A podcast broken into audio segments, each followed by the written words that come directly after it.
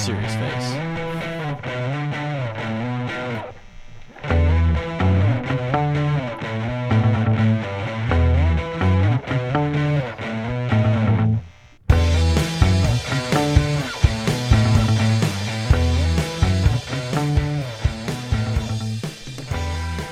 All right, everybody out there, Pot of Gold, welcome back. I'm Brett. I'm here with Mike and Schneid.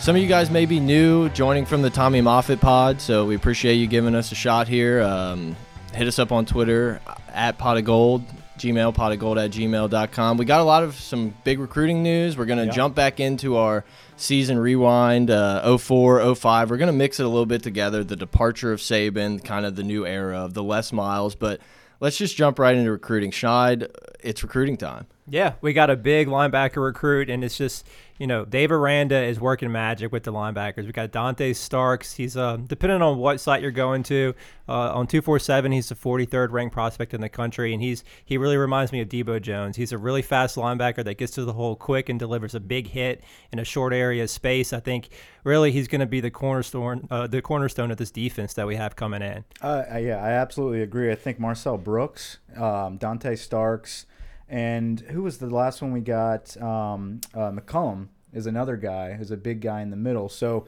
uh, we have a lot of linebackers throughout the years, though, since Aranda's been here. I mean, you started off by getting uh, Jacob Phillips uh, and Tyler then Taylor. Tyler Taylor, Patrick Queen. And then he was very selective with the Yeah. next group, with Damon Clark and Micah Baskerville. And I feel like um, that is a, a change that we had. I feel like before uh, with Chavis, he was more of who's quick, who wants to come, and we'll kind of load up. Where now we're being very selective, and I think this class is even more selective, and it's led by Dante Starks, who just committed. Uh, Starks has a very unique story, though. Here's a guy that went to John Ehret High School but bounced back and forth to a Mississippi high school. I think it was Madison Prep. I, I don't know the specific high school. Uh, but nonetheless, he went back and forth twice. Now he's back at Ehret for his senior season. Um, guys, what, 6'2", 215, Yeah, uh, 220 six one two twenty five. Yeah, can fly. Uh, you said he reminds you of Debo. um, Debo Jones. I think he's a little more old school. He kind of reminds me of like a Trev Faulk. Um, uh, he's a, a hard hitter, but he's very elusive. Mm-hmm. He's not as big as uh, Devin White is, but he, he He's does- fast. He's It's very speed. fast. He, he plays running and, and it's a short well. area quickness too, so he can get to you in a hurry at the line of scrimmage and deliver a big hit and hopefully you know cause a fumble. I think you know the great thing about what we're doing with this class on defense is we're getting a, a cornerstone a, a cornerstone at every position. You know we got Stingley in the secondary, Mm-hmm. we're getting Starks at the linebacker position, and hopefully Saucefer on the line. And then you got a leader at every level of your defense. That's really something to build on. Yeah, I think that's a great point. And you kind of touched on it, Mike. I just love the evaluation that is being done at LSU now. It's like it doesn't feel like, oh, why do we why are we offering this guy? Why is this? Everything seems like it's very well thought out. Dave Aranda knows what he wants, and all these guys, they're just putting together a really good squad. Obviously, they're gonna have to come in and perform and live up to their star ratings and all that. But I mean, we're just getting them at every tier. And it seems like back in the day it was like, okay, we got 17 wide receivers this class. How is that going to help us? And it's now it's like, oh, Yeah. we got a safety, we got a linebacker, we got the guy who is in the middle of our D line. And it's like, I, I just love it. Yeah, I also feel, um, I don't know, I, I feel like Dave Aranda, like you said, he's being very selective. But I think I think the biggest challenge that this coaching staff has is not necessarily um, getting these Louisiana top-heavy stars. It's keeping them, Right. and this is a very critical season uh, where you, you saw in Dante Starks' commitment video or his interview right after, or I, I think Speegs put out an article like the second he committed, kind of to show off, like, hey, you know, I had the first interview. but um, he he put it out saying that uh, Starks was told by Ed and convinced him, like, you know, we're going to beat Bama three years in a row. We're going to be the the group that turns the tide around and wins the national championship. So there's a lot riding on this. Not that that's not said every year by every coaching staff, but I feel like when you've got that group that really says, nope, we're not going to Bama. Nope, we're not going to go to Clemson or Georgia, Which is the very easy pick. I mean, Right. it's hard to say if Clemson's coming to my door and Dabo's saying, "Look what we do." It's hard for me to think like, "Oh no, I'm going to go somewhere else." Like, Right, or Kirby lays out Right. the blueprint and be like, "Hey, this is what we did at Alabama. This is what I'm doing here. Yeah. Year two, it's already working. This is what happened. So, do you really want to go with Ed, or you want to come up here with us?" So. Ed's the best salesman in the world. he's having to sell them on a vision that hasn't been realized yet, and that's the, Yep. that's the challenge. and that's going to be the challenge of keeping them. If we, you know, we've got a tough schedule. We start off with a hiccup against Auburn or something. You know, those coaches are going to be in these guys' ears, and the dominoes could fall in the opposite direction very quickly. So I feel like they, the coaches, really have to keep the season intact, but at the same time, keep these top level guys together as a family and as a unit, and realize that it's not right now. But it's your class later on that's going to turn the tide. Yeah. So that's going to be a big challenge Well, for these I think Schneid said right before we flipped on the mics, it's like these guys are. It seems like there's more camaraderie with these recruits than before. You know, we've had groups and stuff, but it seems like all of these dudes are talking and like, oh yeah, no, I'm the I'm the biggest recruiter for LSU right now. I'm I'm doing this, and Kardell's like, no, no, no, that's my job. We're getting a quarterback. yeah, and so it's just like it's just yeah, nice he to blew see. it there. They did. It seems like it seems like LSU or Ed Orgeron is doing a great job of selling the program. You know, it's like all these guys are fully. Well, who knows? We'll see. But they they feel like they're so committed to LSU and they're just ready to come in and put that jersey on. Ed Yeah. does an excellent job of selling hope Yeah, and he and, sells the dream. and, and a future. Yep. It's the the problem is now we're entering a time where it's it's make or break. It's now or never. So the hope and pray quote um, is now, and I feel like we have a season where we're going to be challenged every week. Uh, and he's got a great opportunity though to prove himself this season. So um, hopefully he keeps his class together. I don't want to go off tracks too much from Dante Starks, but that is a huge commitment following a great six in a row uh, commits that we yeah. had. Yeah, it's been a crazy summer. Right. It's been Yeah. fun. It's been fun, even though it's dog days and we don't have much to talk about. But um, it's fun to talk about the big commits that we're getting. And he did hint at another one on the way. Um, who's your next guy on the way that you Mm. feel like you'd be most excited about? I know Emery is committing coming up. No, ne- he actually moved it. to August though. Yeah. So he, he's pro- regardless, he's probably next. I'm not too I- worried about him. I think he's actually probably the best running back in the country. Like he's he's really good, and he showed out at the opening. But I think he's one that you're gonna have to watch all the way to signing day because he might flip back and forth. The next guy I think that could jump on board is Trey Palmer. I think he's a guy that could shut it down early. I don't know if he's in love with the process, and he's I think he's the best receiver in the state. I think he's better than Devonta Lee.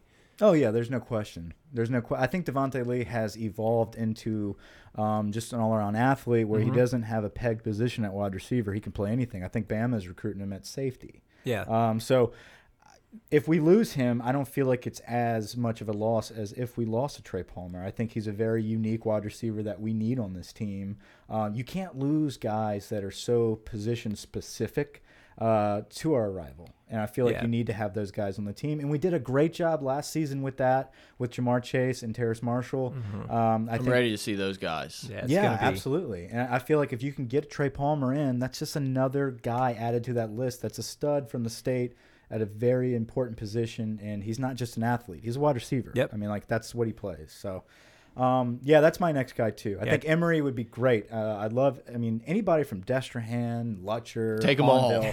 I love those kids. Um, and so it's going to be tough to see Emery maybe go to Mississippi State. I just I, I hope we flip I him at the end. I don't understand it. I, I understand Moorhead coached up um, uh, Saquon. Saquon. Barkley, but oh, okay, uh, you know, I mean, like Les Miles. that dude was going to be good no Fournette, matter you where know, he went. Yeah, exactly. For guys like that, it's like you you just want to they just need to find the best fit. It's not like oh this guy's going to turn me into this. Like some of these top guys, like it doesn't matter where they go. Leonard Fournette could have gone to Idaho and still been the, right the number and one. Does that mean I'm going to play for Idaho's Yeah. coach? But I I feel like it's more of I I think Emery is playing that card, but I think it's more of him wanting to be the guy.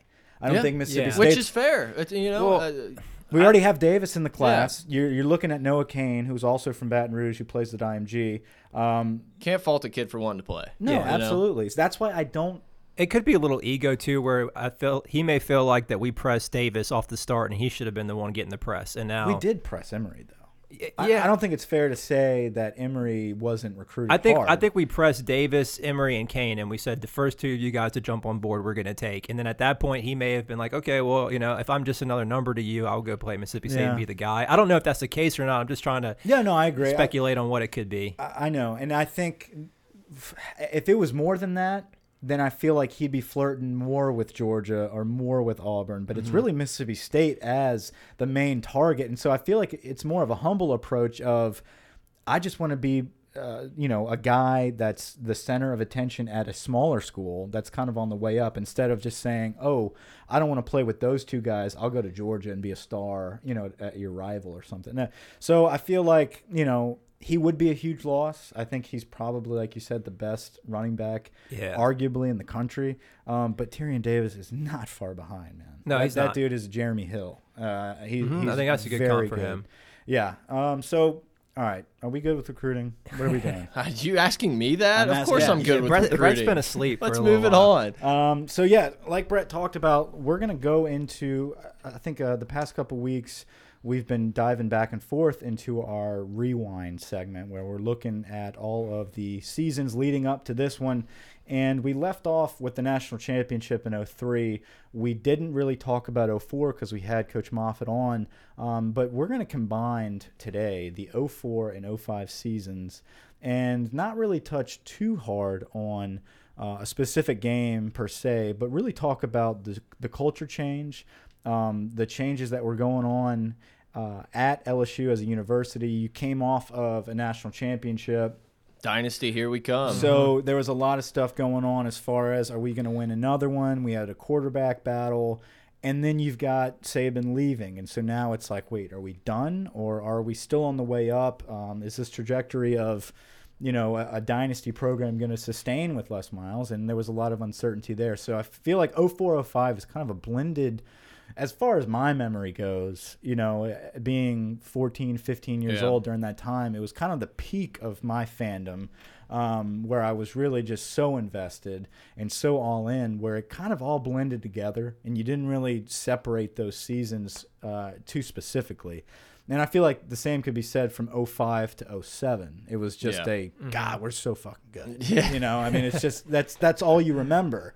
Um, but I feel like we're gonna dive deep into 04, 05, and then maybe we can couple 06 or you know everything else later on. But Yeah, 04 started out pretty crazy with the Oregon State game. It's one of the first game. I mean, I went to games as a kid and everything, but it was one of the first games I remember. You know, eh, coming off the title game, everyone's just all in, and it was so hot that day. And then there was like two drops of rain, and the crowd went nuts. And then it like downpoured for like an hour. There was like two or three streakers. Some dude got like uh, just absolutely speared, and uh. That was the game with the missed field goals, or it was it was it field goals Yeah. or extra points? I think it was I think it was a combination Yeah. of both. It was a combination of both, but the extra points is what lost Oregon State Right. the game at the end.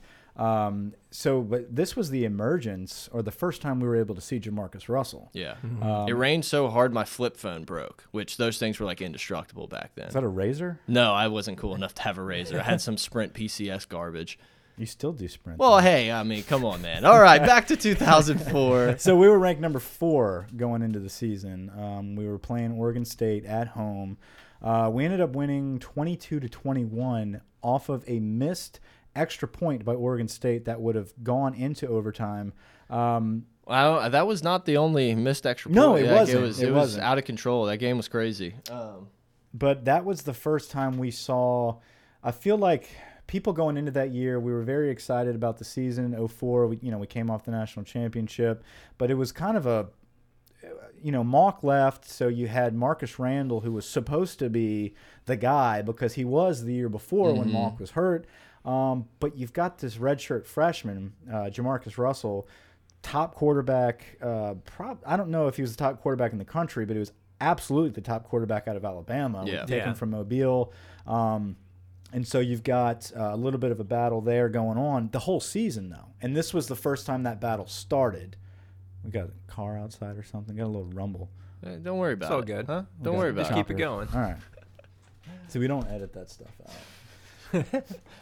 um, so anyway, Jamarcus comes in, and what's funny that I noticed on the rewatch of this game is that uh, all the commentators are talking about how LSU has this redshirt freshman um, on the Yeah, sideline I'm gonna go find his rank. that's not ready yet. You know, they all talk about that. They said Nick Saban talks very adamantly about they have a really good gunslinger, but he's not ready. Yeah, and I mean, you know, uh, we just thought we just knew we had this guy with a cannon arm. I don't think a ton of people in 05 were like breaking down the high school films and stuff like they do now, and everyone was kind of like ready, and you could tell Saban was trying to like temper expectations and be like, you know, this guy, we're gonna ease him in, and of course that's not really how it towards the happened. yeah, at the end of that game, there was you know they asked him, they asked Saban um, at the end of the game, what happened there? Why was Jamarcus put in the game? He's like, well, we were just out of rhythm. Marcus Yeah. Randall was Yeah. not in rhythm, and they went back and forth. You got the stat. Yeah, he was uh, 38th rank, uh, ranked prospect, fourth uh, at his position. So I mean, he was the top so- 50 it guy. was probably absolutely. before they did the whole pro style dual threat and all Sure. that stuff. So he's number he was, four he was a overall pro. quarterback. Yeah, he was a pro style okay. quarterback. Yeah, he wasn't really a 6'5", pro. 225 in high school. We we Huge. found that didn't work out too well Yeah. on that lean. I used to see him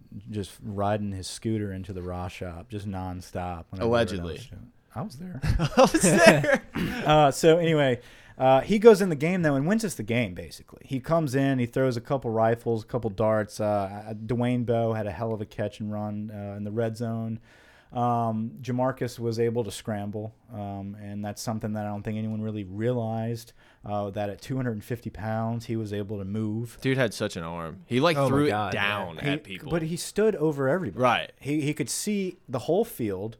Um, he was almost like the Cam Newton before Cam Newton. He obviously He was, can't- he could couldn't run run, like- yeah. like Cam Newton. He was I'm- mobile enough, though. yeah, he was. I mean, if he if we were on the ten and there was a lane, he could take it and he would score. Um, but at the same time, so he got hurt on that touchdown to go uh, to to go on top, Mm. and so he had to come out of the game for the two point conversion. Randall comes in and That's actually right. rumbles into the end zone. Yep. So they they had a good combination there, and then obviously. Um, Oregon State marches down the field. They throw a pass in the back of the end zone over Cameron Vaughn for the touchdown, and then to make the extra point to force overtime, um, they miss it. So Yep. it, it was a disastrous end for them, a joyous end for us. But it kind of segued us into the season of quarterback competition. We had a great defense, um, but we were, we had a quarterback battle. We had running backs coming back. I mean, Justin Vincent was there. We had a you know the, But the that team- was when Vincent made a step. I back. completely agree. But at Yeah. this point, you know, everyone thought Justin Sure. Vincent's the next Heisman. Exactly. You know, And I feel like this was kind of the emergence. Well, this was the mainstay of Joseph Addai. Yep. It was like, hey, I'm still here and I'm probably your best back. it was almost like Joe was looked over a little bit. Yeah, like, oh, we got was. these shiny, you know, sports cars Right. in the garage, and then that guy's just the one you take to work every day. Because the year before, he was supposed to be the guy, but Justin Vincent, the true freshman, came on the scene, big Yeah. recruit out of Barbe High School. Um, so the year later, Addai came back and really just, you know, made his name. Um, and I think Alley Broussard was a young gun, but I feel like Mm-hmm. Alley. Um, no, that was I think that was Alley's breakout year. Yeah, and He- I think he hurt his knee the next year or yeah, something. so the Ole Miss game, he had a big game, and even the Iowa loss in the bowl game, he, you know, Alley Broussard was Oh, the yeah. guy. I loved watching that dude. He he Mm-hmm. reminds me of Guice. Guice didn't was Guice was probably more jittery, but Yeah, just the without the way he bounced off, like no one could tackle It's him. very downhill. Yeah, Uh, I it was like dudes would just bounce off of Alley Broussard, and that's how I felt like whenever we would see Guice on kickoff every now and then, like three dudes would dive at him and then just be on the ground, and he'd just still be shaking. Dude, that like, kick return against South Carolina. Oh my God. but I don't know. That's just every time I watch Guice, I'm like, man, I haven't seen people like bounce off a dude since like Alley Broussard, and then he, you know, got gets hurt and never really came back to his. oh, he's a form. rapper, Alley Cat. Oh yeah, good for him. Alley Cat so. Strikes, best Disney Channel movie ever. Okay, uh, so we got Ar- Arkansas State. Uh, is the next game, fifty-three to three, and then we lose this strange game at Auburn, nine- Highway robbery. nine to 10 Yeah. Um, very odd game. Uh, missed extra point after our first touchdown. Um, so I feel like let's see what happened there. Um, that was another battle there, but Jamarcus started coming into the game more and more, and it was it was more of a battle as the season went on. But I felt like he, towards the end of the game, Jamarcus was the fourth quarter king. It was Yeah. almost like he was lazy. He was a Oakland Raider for three quarters, and then he would come in in the fourth and really turn it on. And I don't know why you know, I don't know the specifics of the battle there of what Jimbo and, and Nick Saban were feeling, um, but you do listen to um, Nick Saban currently talks about how he learned his lesson on the two quarterback system in 04 and that two quarterbacks, you don't have one, um, and he learned his lesson there. And I think it cost him a few games because there was no rhythm. They were never in sync this year. The defense was great, uh, but the offense would show flashes under one guy, and then the minute Yeah. he would stutter, they toss the other one in, and you had to kind of regroup that rhythm. And it just we ran out of time. It's hard to do. Yeah, yeah, and it's easy to look at Jimbo now and say, "Oh, Jimbo's the best, like the best offensive coordinator ever." But there was a lot of people that were just not the biggest Jimbo fans. They felt like LSU didn't show up in some games. I mean, for example, they scored ten points in the Auburn game, and I think the Florida game the year before they didn't score, and so. I feel like, you know, looking back on it, Jimbo, everyone loves Jimbo a little bit more, but there was a lot of people also like kind of frustrated with how our offense would roll sometimes. Like, why are we running 8,000 bubble screens? I a think he? And- still does that to a degree. I They- agree. Florida State still has games where they don't show up. You I know? agree. We'll see how A and M does, but I think it's going to take a little while at A and M. I think I think they're definitely on the way up with they are for sure. I don't think it's going to be a year one thing. No, No, I you was, have to get your people in. And yeah, I was reading actually Reddit this morning before we before you guys came over here, and people were like, "Yeah, you know, eight and four would just be a great season." I'm like, man, I wish we had those fans. Like, granted, I know you you got to put A and M and LSU on a different level, but they were like, "Oh my god, eight and four would just be the best." And I'm just like, "Oh, nice, nice. It's twelve and zero, or you're fired around here." Yeah. So we went from uh, losing at Auburn to blowing out Mississippi State. Then we got just beat down by Georgia. Thanks, Xavier Carter. Right, taking a knee. So then uh, we beat Florida, uh, Troy. The Troy game though, um, it's a big win. twenty-four to twenty. We Tough- were actually tough, real gritty win. Hey, Troy doesn't just walk in. Look. yeah, you don't just, just beat up on Troy. Let's we just were be clear. tied with Troy. Four minutes left in the game um, before uh, we hit the tight end of the back of the end zone. So that's listen. It's not just Ed that struggles with Troy. It was Saban. But yeah, Uh, coming off that coming off that Georgia beatdown, I mean LSU just started running the table. I mean they they really started to click and they were beating everybody in front of them. All the way until Iowa. And then we get to December and So, that's so that's kind of where the point of of 04, uh, the season we're we're going to kind of focus on is. A lot of people don't remember or don't realize that Nick Saban had been flirting with the NFL since he came to LSU. It wasn't just a, oh man, he won a national championship. He did a pretty good season in 04.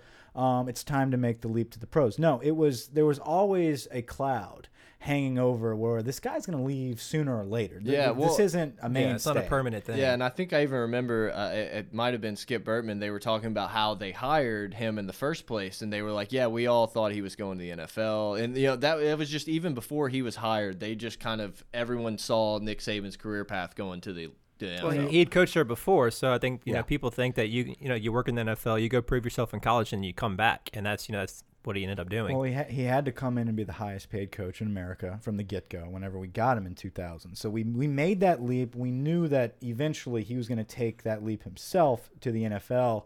Well, in LSU, you could even consider more of a stepping school stool at that point. You know, Nick Saban made it more of a premier job, but at that time, you know, it's not like LSU was the most prestigious place in the land. Nick Saban saw a better opportunity, and he's like, okay, it's time for me to take my shot. Yeah. So he took that shot um, on Christmas Day in 04. Um, or was, uh, was it Christmas the Day? article I read was yeah, the 26th, so he probably Yeah. announced it on 25th. So- I think it was Christmas Day. But Yeah. he had been offered he had been offered jobs that season and turned them down earlier in the year. I, I believe it was the Bears, um, and I know the Browns flirted with him for a while, um, but he turned him down. He turned him down. He turned him down. And then at that time, though, Miami was still a really good NFL team. I mean, that club was a good club. They, I mean, Dan Marino had left, but it was still uh, an attractive job.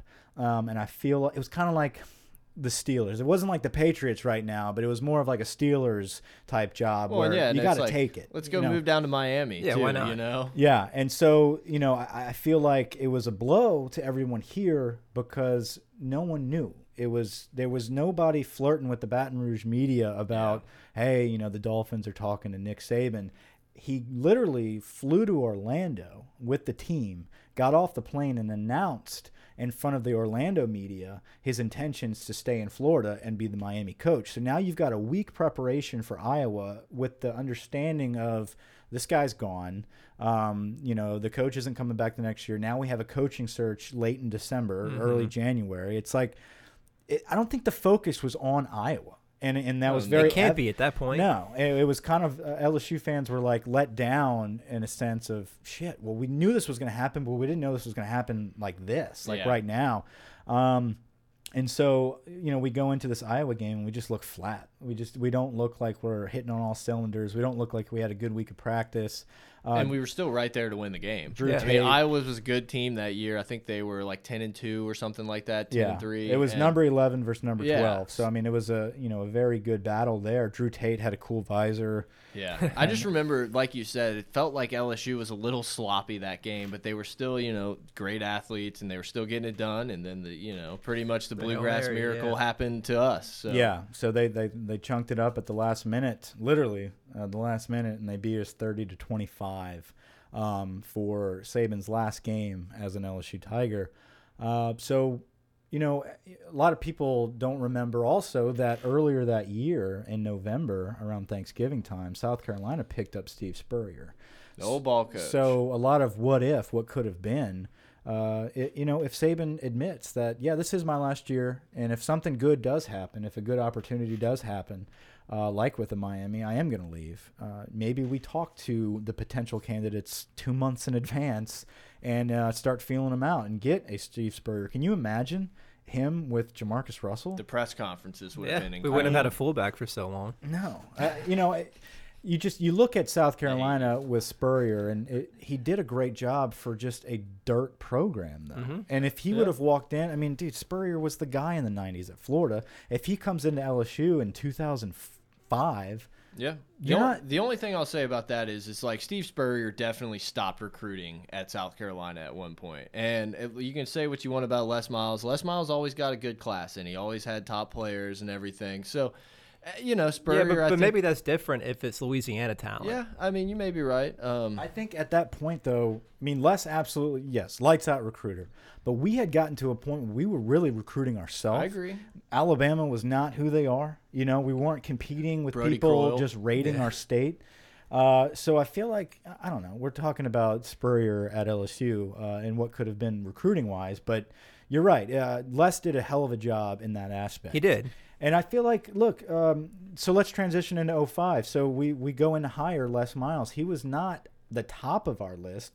I feel like he was a guy, though, that the administration felt very strongly about taking over a top program and, and sustaining it. It Well, wasn't a. I think Skip has said that too, right? yeah. Yeah, and they also it was also mentioned they liked that he was a family guy. He probably wasn't going to leave in 3. You know, they wanted a guy that wanted to be at LSU for the long haul, which is funny because he got ran out of LSU eventually, but that was the goal was to get somebody that they trusted, that they thought was going to be a caretaker of the program, but also not leave us for the next shiny, you know, next shiny building. And so, you know, uh, No. Les Miles was a great ambassador for LSU for a very long time. He wore the Britney Spears headset Oh, in the dude, beginning. That was the best. Um, so Stick his finger in his ear Yeah. and block out the noise. Um, I, they tried to to take the same blueprint they did in hiring Nick Saban and and translate that to their next guy. Um, meaning they looked at Nick at Michigan State and they saw a guy that was a, an above average coach in that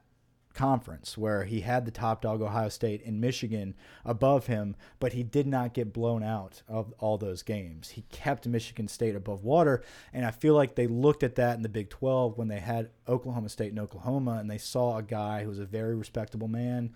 Who's got this team um, above average? Uh, no, they're not Oklahoma, but they're not getting beat down every year by them. And, and Yeah, but they yeah. felt like that was the blueprint. yeah, Les was the first kind of guy that really made Oklahoma State not be the super hardcore little brother to OU. You know, forever it was just the whipping boy, and Les kind of changed that. I mean, they won a couple games under him against Oklahoma and stuff. I mean, I, don't know. Les was Les was less. It's just like Yeah. that is who he is. Well, I think he kind of regressed as he went on. He was I, I loved him when he first got here, but it's you know we talked about earlier that season with Jarrett Lee really I think haunted him and changed his perspective about how he wanted to run an offense, and it just he couldn't change, and, and it crushed his career. he lost trust, and I Yeah. think Ed, I think Ed, I think Les maybe you know didn't make the best hires. Gary Crowton was good for a while, and then it felt like the shackles got put on him, and then we were terrible. You know, Bradley Dale Peveto and Doug Mallory as co-defensive coordinators. Who would have thought that would have not worked out well? You know? Yeah, well, and you go from like you just mentioned the coaching staff. Let's let's rewind for Yeah. a second and talk about 04's coaching staff. You've got Nick Saban, first off, Mark Emmert is your president of the university, okay, uh, who eventually takes over the NCAA. Yep. Uh, you had um, Scott Woodward was there. You had um, Dan uh, Radinovich. I don't know how to pronounce his name specifically. He's Clemson's AD. Mhm. Um, you had Nick Saban as head coach. You had Jimbo Fisher, Will Muschamp, Muschamp. Kirby Smart was your defensive back Yeah. coach. You had Adam Gase, who's now the head coach Derek of, the, Dooley. of uh, the Miami Dolphins as a GA. Um, it was everybody was pulling the rope in, in the same direction and building a championship. You transition into um, Les Miles, and he shakes it up a little bit. He keeps Jimbo, uh, but Which I don't those- think was his choice. I'm pretty sure they were Yeah, like Jimbo's like- Jimbo's yeah. your because guy. Jimbo was a guy that was heavily favored to get the job. There was Mhm. a large portion of the fan base that said we need to keep this thing together, Yeah. keep the at least the offensive coordinator and make him the head coach. Um, and you could even see that in the first home game that Les had against Tennessee on a Monday night, where Jimbo Fisher is announced as the OC, and the whole crowd is going nuts. Yeah. They're not going nuts for Les; they're going nuts for the guy that was on the previous staff. So there was a I, I don't know if people really were accepting of the change just yet. Um, I feel like if Les would have cleaned house and just had a new OC, I feel like people would have been up in arms. Yeah, and his leash Yeah. would have been a lot shorter. You know, I mean, Jimbo eh, kind of, you know, that all just progressed into another national championship that we'll talk about in a week or two. But I, I he don't in, know. he inherited a, a good signing class as well. So that 04 right, class, these teams were stacked. uh, you know, Claude Wroten, uh, EJ Quale, Craig Steltz. Um, let's look at the big Tyson Jackson, Mick Cole. Uh, Curtis Taylor was a big recruit coming out of high Yep. school. yeah, one Uh, of the many Taylors. Quinn Johnson, Jacob Hester, Early Doucet, Xavier Carter, Glenn Dorsey, Herman Johnson. So that was the year before. So that was the 04 class. Uh, Marlon Favorite, Ryan Miller.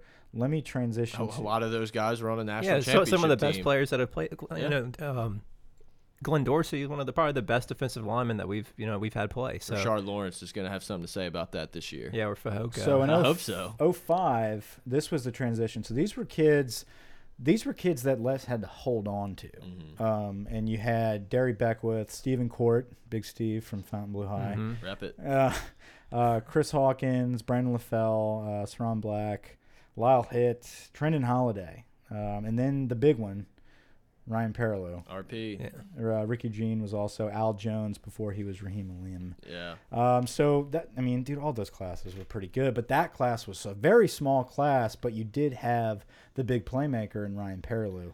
Um, so anyway, Well, and what we didn't talk about too is Les came in at a weird time. There was hurricanes. We had to go play different places, play on Monday. You know, it was a it was a tough tough job to step into. So Arizona State had to get moved Right. to Arizona because of Hurricane Katrina. So here he comes down south. He's from Oklahoma. He comes in. He's from Michigan. A Michigan we, man. We know that. Uh, but he's coming in from Oklahoma State. Uh, strange guy. You know, a different yeah, bird. he's quirky. Well, Even back then, yes. Um, and you, you talk to guys that were on that team. Uh, I, I've talked to a few of those guys before and talked about how, what, what was that like going from Nick Saban to Les Miles, and they just say it, you could. It was very different when Les came on, as far as he was just a, a figure.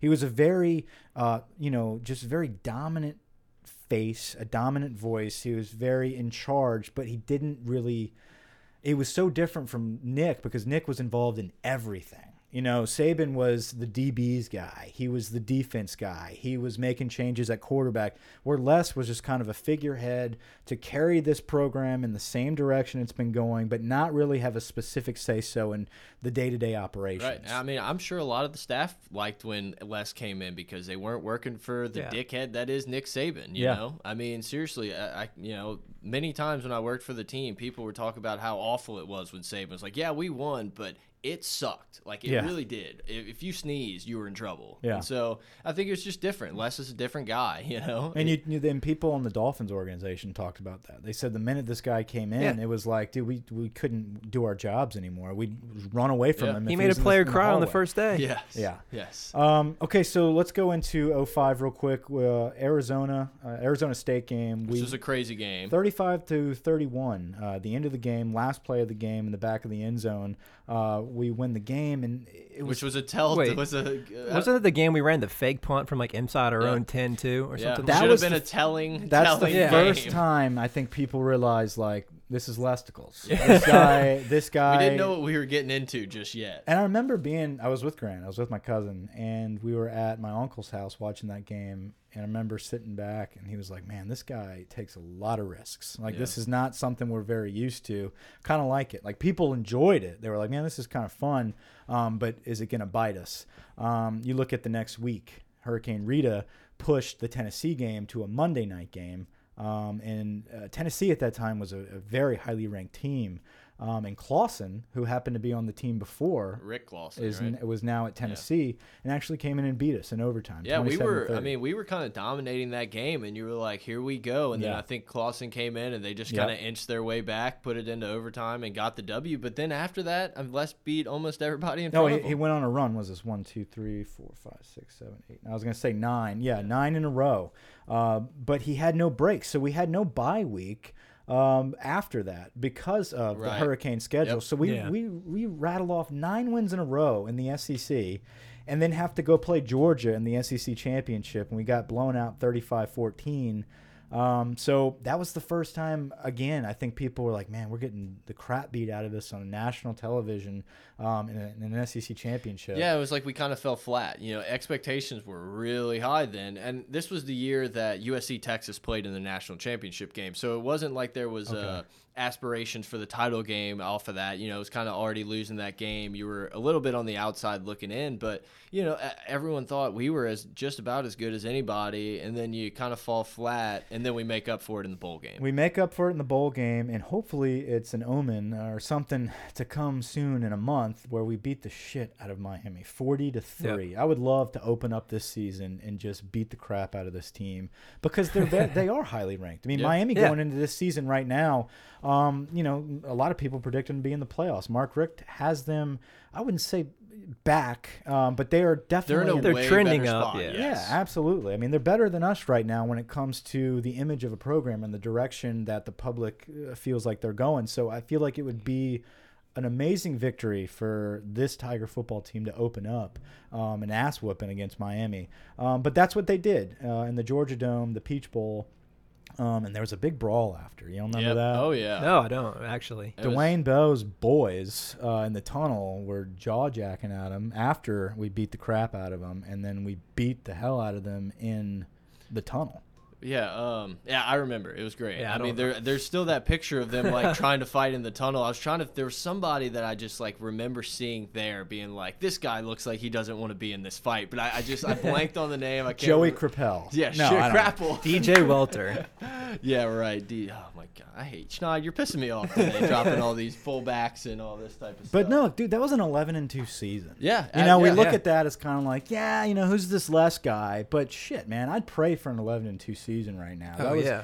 That was a great year. Um, and it, I mean, dude, he, he led that team into the following year, the 06 season, is probably, probably, in my opinion, the most talented LSU football team of all time was 2006. Yeah, probably. You can make a strong argument. So for that's that. a JaMarcus, Dwayne Bowe, Craig Davis. All of those guys called were a back. tease, I mean, yeah. three years late. I mean, they, they were there for three years. These guys stayed, and in 06, they were, you know, most of the seniors had been playing for Saban. Obviously, they played for Saban, um, but they played. They played in a national championship. You had guys with three years of game experience.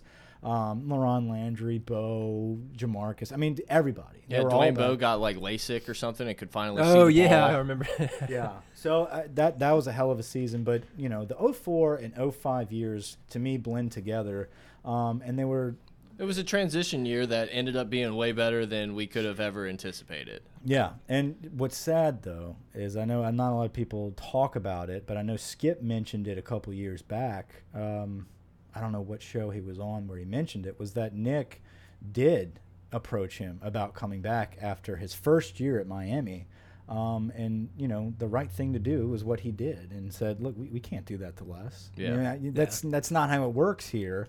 Um, There was always rumors of that, and a lot of people just called BS. Like Saban's not crawling back to you guys, and yeah, eventually, I think it was on 104.5. Yeah. Bertman was just like, "I'm telling it all. I'm telling it Right. all." I mean, you he know? wanted to come back into the college game, and we didn't have an opening, but he wanted to definitely kind of, you know, It peek his head in and see if there was a possibility, and it wasn't, and so we obviously moved on to Alabama, and the rest is history. Um, and we're still waiting for the day that he has a heart attack um, and we can start winning again. But I check Twitter every day in hopes that that's the first thing I see when I scroll up. heart attack? President, uh, President President Nick Saban. Not President Nick Saban. Head coach Nick Saban dies. Yeah. That's it. It doesn't. I don't care what else. Anyway, Um, so I think next time we get together, we can kind of probably clump um, six and seven together. Um, and and then after 08 and on is kind of a oh actually eight downfall. nine ten is kind of a clump, and then eleven is, is just an anomaly, and then after that it's just Yeah. We'll see how it goes. Guys, if you didn't listen to the Tommy Moffitt interview, you should really do it. We got a ton of great response from the fans. It was awesome to hear. Everyone was just really happy with the amount of content that Tommy gave us. Uh, special shout out to our dude Mike in New Jersey. He and I had a little email chat yesterday. He was, you know, just big fan of the pod. Wanted to give him a little shout out. But hit us up on Twitter, guys, at pot of gold, Gmail's pot of gold at gmail.com. rate and review on iTunes. Give us that five star rating. Leave a review, guys. We love to see the feedback uh, from the fans. Um, like we talk about every week, guys. Anything, any input that you have, uh, suggestions for the podcast, topics that you want us to discuss, guys. We're in the off season right now. Um, look, we're we're itching for material. I mean, we're watching YouTube videos of the 2004 season. I mean, we're we're fanatics. Um, it's kind of crazy, but at the same time, we would love to talk about other stuff as well leading into August. Um, practice starts up in about a month, so that's very exciting news that we're going to be all over when that happens. Um, but guys, yeah, again, rate and review us and hit us up with some feedback. We really appreciate the fan interaction. You got anything else? We're good. We're good. Over and out. All right. All right, guys.